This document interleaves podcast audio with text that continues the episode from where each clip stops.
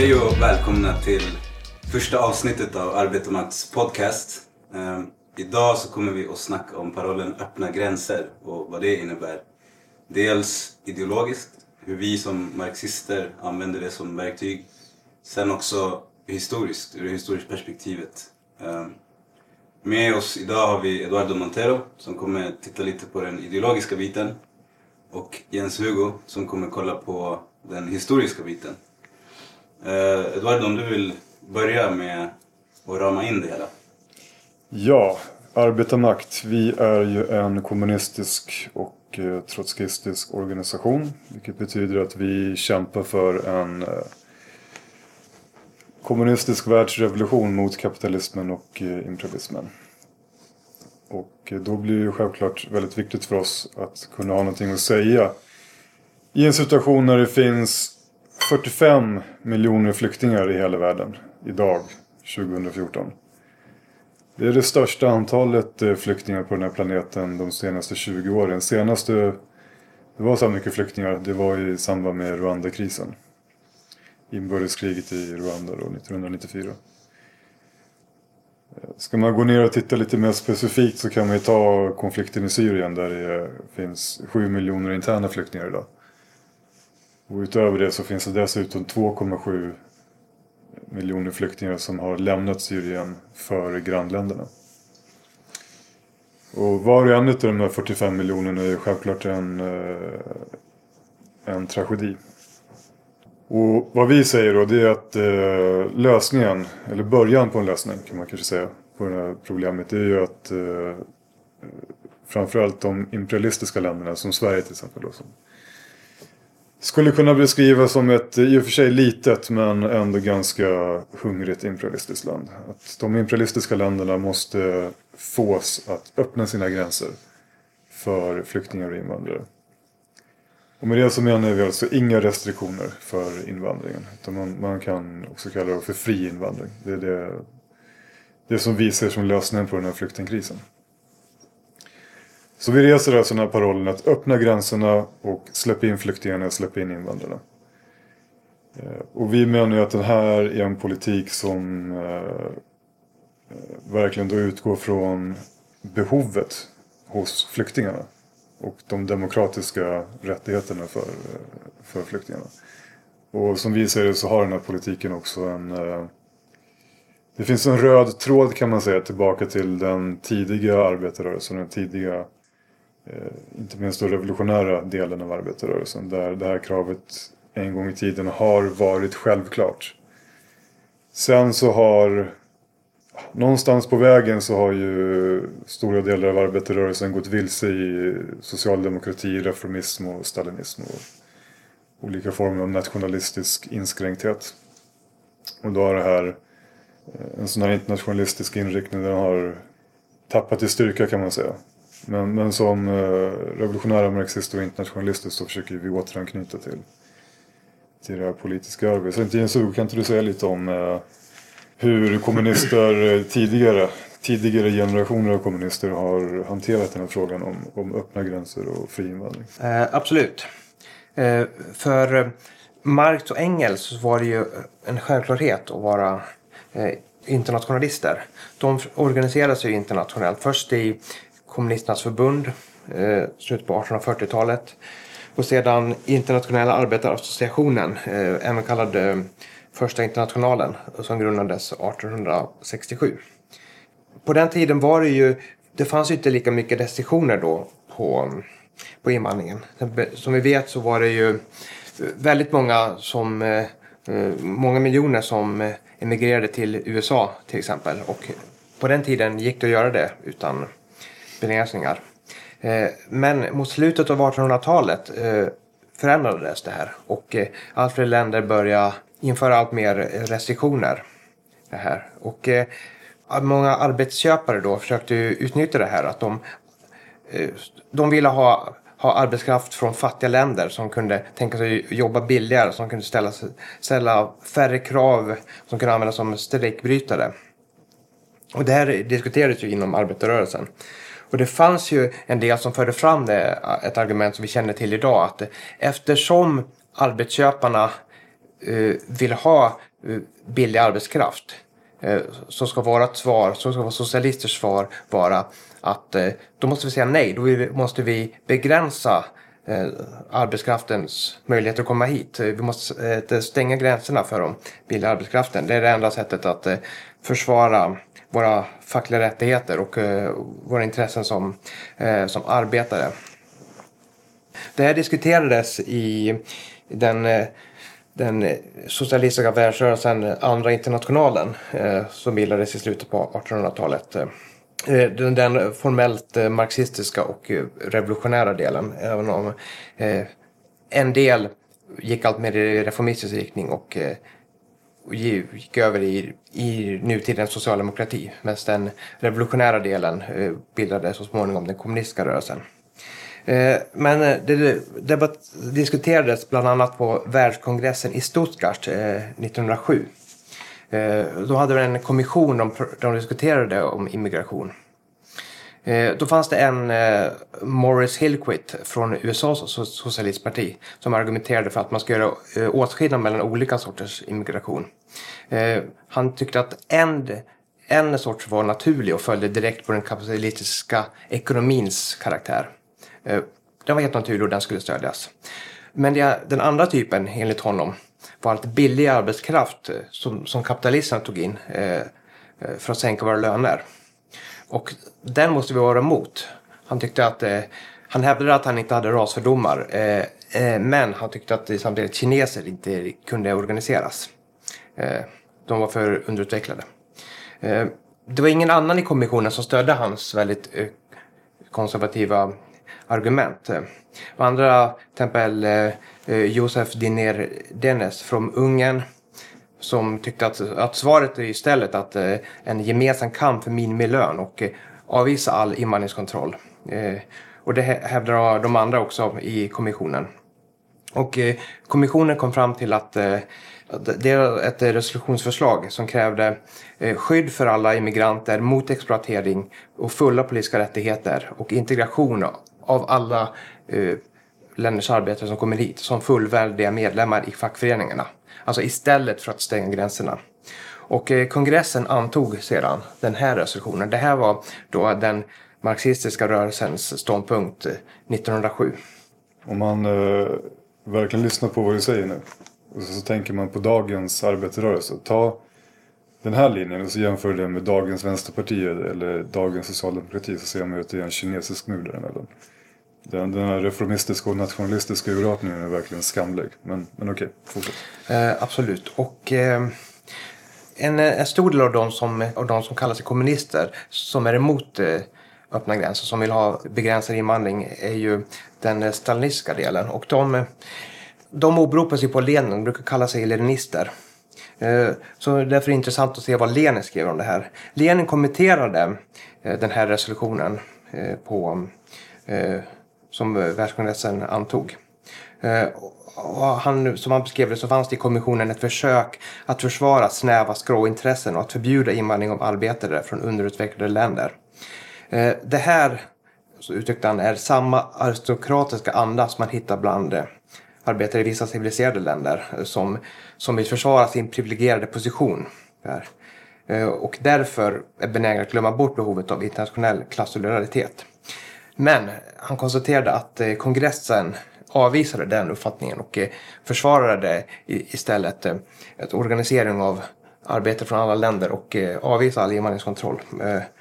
Och det, det stödde han till fullo. Man kan hoppa fram några år till den, den kommunistiska internationalen bildades. På sin fjärde världskongress 1922 till exempel antog de en resolution Eh, där de säger att eh, de kommunistiska partierna måste föra en energisk kamp mot de lagar som förhindrar invandringen och måste klargöra att de proletära massorna i dessa länder eh, att sådana lagar, samtidigt som de underblåser rashatet, i sista hand skadar de dem själva. Det stämmer att kapitalisterna vill ta in billig arbetskraft i sina intressen.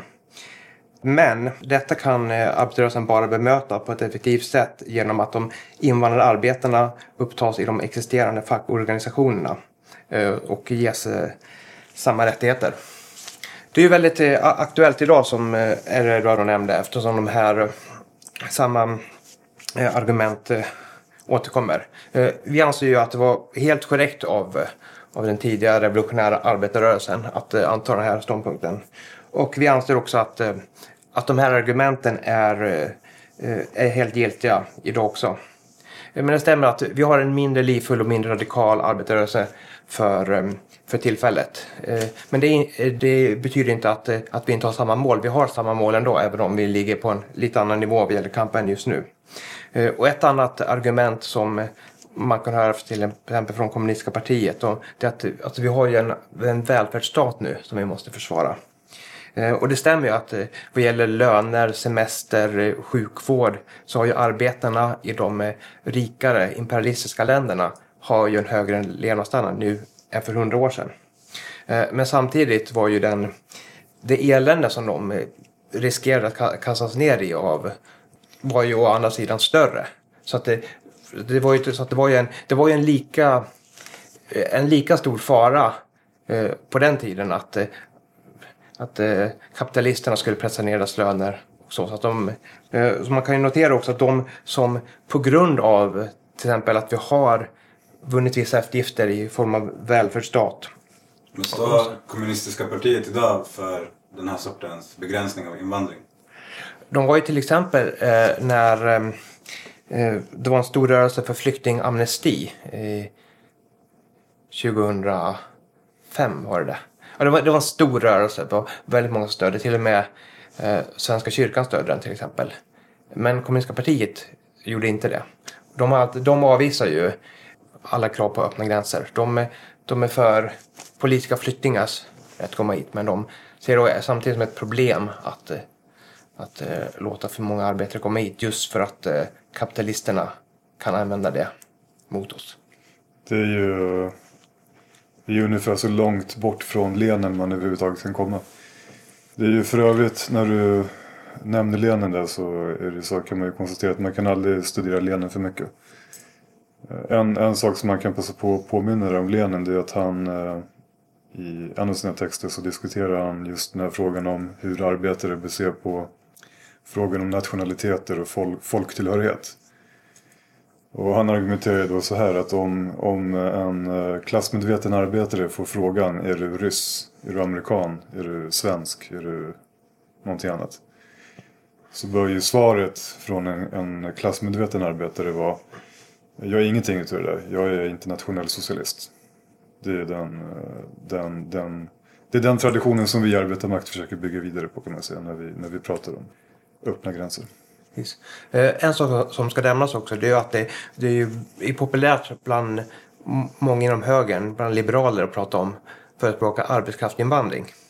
Eh, och det vill vi bara klargöra att eh, vi är emot deras koncept av arbeta, arbetskraftsinvandring. För att det bygger ju, det är något helt annat än öppna gränser. Det innebär att kapitalisterna, arbetsköparna, ska få välja att ta hit arbetare som de väljer. Så att det blir någonting på, helt på deras villkor. Så att därför motsätter vi oss detta förstås. Eh, och vi är för eh, öppna gränser. Och det är väldigt viktigt som vi har, har framgått att, eh, att vi ställer inte kravet på öppna gränser isolerat. Utan det är väldigt viktigt att, att knyta det till, till klasskamp. För att givetvis, alltså, det finns ju problem i samhället och, och som sagt var arbetsköparna vill använda det här mot oss. Och, eh, men då är enda svaret är ju klasskamp, att eh, organisera alla i en gemensam klasskamp. För att I grunden har ju vi med svenska arbetare arbetare från, eh, från Iran eh, eller från, eh, från hela världen har ju i grunden eh, samma intressen. Eh, och de som är emot våra intressen är ju högern, det är ju kapitalisterna, de, de rika. Så att eh, hela grunden är att eh, internationalism och eh, klasskamp och att organisera alla arbetare i en gemensam kamp. Mm, precis, ställer man eh, kravet öppna gränser så på det sätt som vi gör som, som kommunister och revolutionära internationalister så, så betyder det att vi, vi utgår ju från eller man kan säga vi, vi förkastar ju den tanken att det skulle finnas någon sorts homogent eh, svenskt folk eller svensk nation. Eller ett homogent brittiskt folk eller homogent eh, belgiskt folk eller vad man nu ska ta för exempel. Utan vi menar ju att eh, alla nationer och även de imperialistiska är ju sönderslitna av klassmotsättningar. Sen kan det finnas ideologiska faktorer som döljer den här motsättningen. Och de ideologiska faktorerna kan vara ganska starka i vissa länder. Speciellt om det handlar om välmående imperialistiska stater där stora grupper av arbetare och andra förtryckta kan få för sig, felaktigt, men de kan få för sig att de har en massa saker gemensamt med sina exploatörer och eh, förtryckare. Och, att, eh, och det är ju så att det går runt en massa människor som, som hör till arbetarrörelsen, som hör till arbetarklassen, som hör till de nedtryckta skikten i samhället. Går runt och inbillar sig att de har någonting att hämta tillsammans med eh, eliten i det här samhället. Tillsammans med eh, de härskande. Och, och, så är inte fallet. Utan som Jens Hugo var inne på så, så är ju verkligheten den. Att eh, de som exploaterar de fattiga länderna och massorna i de fattiga länderna och eh, skapar problem genom sin exploatering. Genom att suga ut de här länderna och därigenom skapa orättvisor och en massa explosiva motsättningar. Och genom att hålla eh, diktaturer under armarna eller kanske till och med tillsätta diktaturer i, direkt. Eh, som vi har sett massor med exempel på. Till exempel i Sydamerika där eh, USA direkt har eh, organiserat tillsättandet av Eh, militärdiktaturer under, under 60-70-talet. Eh, det, det, finns ju ingenting, det, det, finns ju inte ett spår av gemensamma intressen mellan eh, vanliga ah, människor, arbetare och andra i, i västländerna och de här exploatörerna. Alltså samma eh, härskare som exploaterar i de fattiga länderna står ju som ansvariga för orättvisor och förtryck även här på hemmaplan. Vi pratar till exempel nu ofta i Sverige om det med nedskärningar, privatiseringar och sådana saker.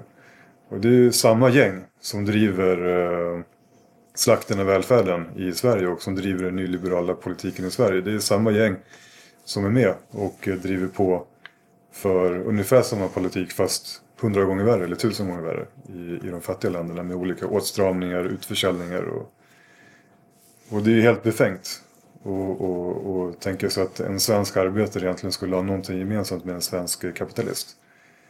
Utan sanningen är ju den att de, de svenska arbetarna de har ju betydligt mer gemensamt med Eh, arbetare och andra förtryckta ute i vilket land som helst på den här planeten. Och det är ju utifrån det synsättet så blir det ganska naturligt att kräva öppna gränser. Därför att öppna gränser betyder att man säger Ja, klassbröder, klassystrar. Ni är välkomna hit till, till den imperialistiska världen. Det finns problem förstås med arbetsgivare som kommer att försöka exploatera er. Som kommer att försöka sätta er i motsättning till oss. Men som Jens Hugo var inne på, det finns ett svar på det. Och det heter gemensam kamp. Gemensam kamp för löner, gemensam kamp för fackliga rättigheter eh, gemensam kamp för arbetsmiljön eh, och, och eh, en, en liksom dräglig levnadsstandard. Så det, det är alltså att mot falsk nationalistisk gemenskap och för internationell solidaritet mellan alla förtryckta. Vill man ta det på allvar, då måste man säga öppna gränser. Och det, det är här som eh, eh det rent kriminella i, i eh, opportunismen som man kan se hos grupper som, som KP och även Rättvisepartiet faktiskt. Eh, Rättvisepartiet Socialisterna. Det här, det här det blir så synligt att de kallar sig för internationalister, de kallar sig för kommunister, revolutionärer. Men i en sån här konkret fråga som flyktingkrisen, då, då backar de undan. De vågar inte kräva öppna gränser för att de är rädda att eh, hamna i konflikt med vissa nationalistiska fördomar som som finns bland vissa grupper av arbetare. Istället för att konfrontera de här fördomarna och ta tjuren vid hornen och gå, gå till strid mot de fördomarna och förklara att eh, tyvärr, ni har missuppfattat hur, hur, hur världen funkar så, så anpassar de sig till de här fördomarna. Och det är under all kritik. Men tyvärr, det, det är dit arbetarrörelsen och vänstern har kommit efter, efter reformism och stalinism. Det behövs städas upp och det är det vi håller på med. Eh, en sista poäng kanske. Så, som Eduardo var inne på lite. Så så det är uppenbart efter de senaste 30 åren att vi inte kan slå vakt om de, de, de eftergifter vi, de arbetare i Sverige har fått genom att bara slå vakt och försöka försvara det. Det är mycket prat om att eh, skydda den svenska modellen men vi har sett de senaste 25 åren har, eller längre har det varit en, en, eh, en ständig reträtt från arbetarrörelsens sida. Steg för steg så här att, att, eh, att vinsterna ökar på vår bekostnad. Välfärden skärs ner, privatiseras. Det blir fler och fler utslagna. Eh, eh, arbetslöshetsförsäkringen försäkringen, eh, försämras. Eh, folk utförsäkras. Eh, alltså vi, vi är på väg att pressas tillbaka. Vi kan inte, det går inte att skydda det genom att, att, att hindra det genom att bara försöka slå vakt om den svenska modellen. Utan det behövs offensiv kamp även för att, att försvara oss. Och det gör vi genom att att inse vilka som är våra kamrater, vilka, vilka är vi gemensamma intressen för. Och eh, om man ser på den svenska arbetarrörelsen så är det ju väldigt tydligt att, eh, att vi behöver injektion av, av något annat än, än, eh, än eh, de byråkrater som har styrt. Och, eh, och, och där kan ju att eh, fattiga arbetare från andra länder eh, som kanske har eh, erfarenheter av, eh, av kamp och andra erfarenheter kan bli en väldig injektion för det ge kraft och styrka och vitalitet igen åt arbetarrörelsen här. Eh. Okej. Okay. Tack så mycket då. Då har vi kommit till slutet av det första avsnittet av AMs podcast. Och för er som lyssnar så skulle vi vilja uppmana er att ta del av den här diskussionen, ställ frågor till oss eller kom med idéer, era egna tankar. Eh, vi har en hashtag på Twitter, AM Podcast. Ni kan ställa era frågor där eh, eller era kommentarer. Ehm, förhoppningsvis så kommer vi tillbaka här om en eller två veckor med ett nytt avsnitt på samma tema. Jag tror vi har planerat en serie på fyra, fem avsnitt på det här så eh, håll ögon och öron öppna. Tack för idag!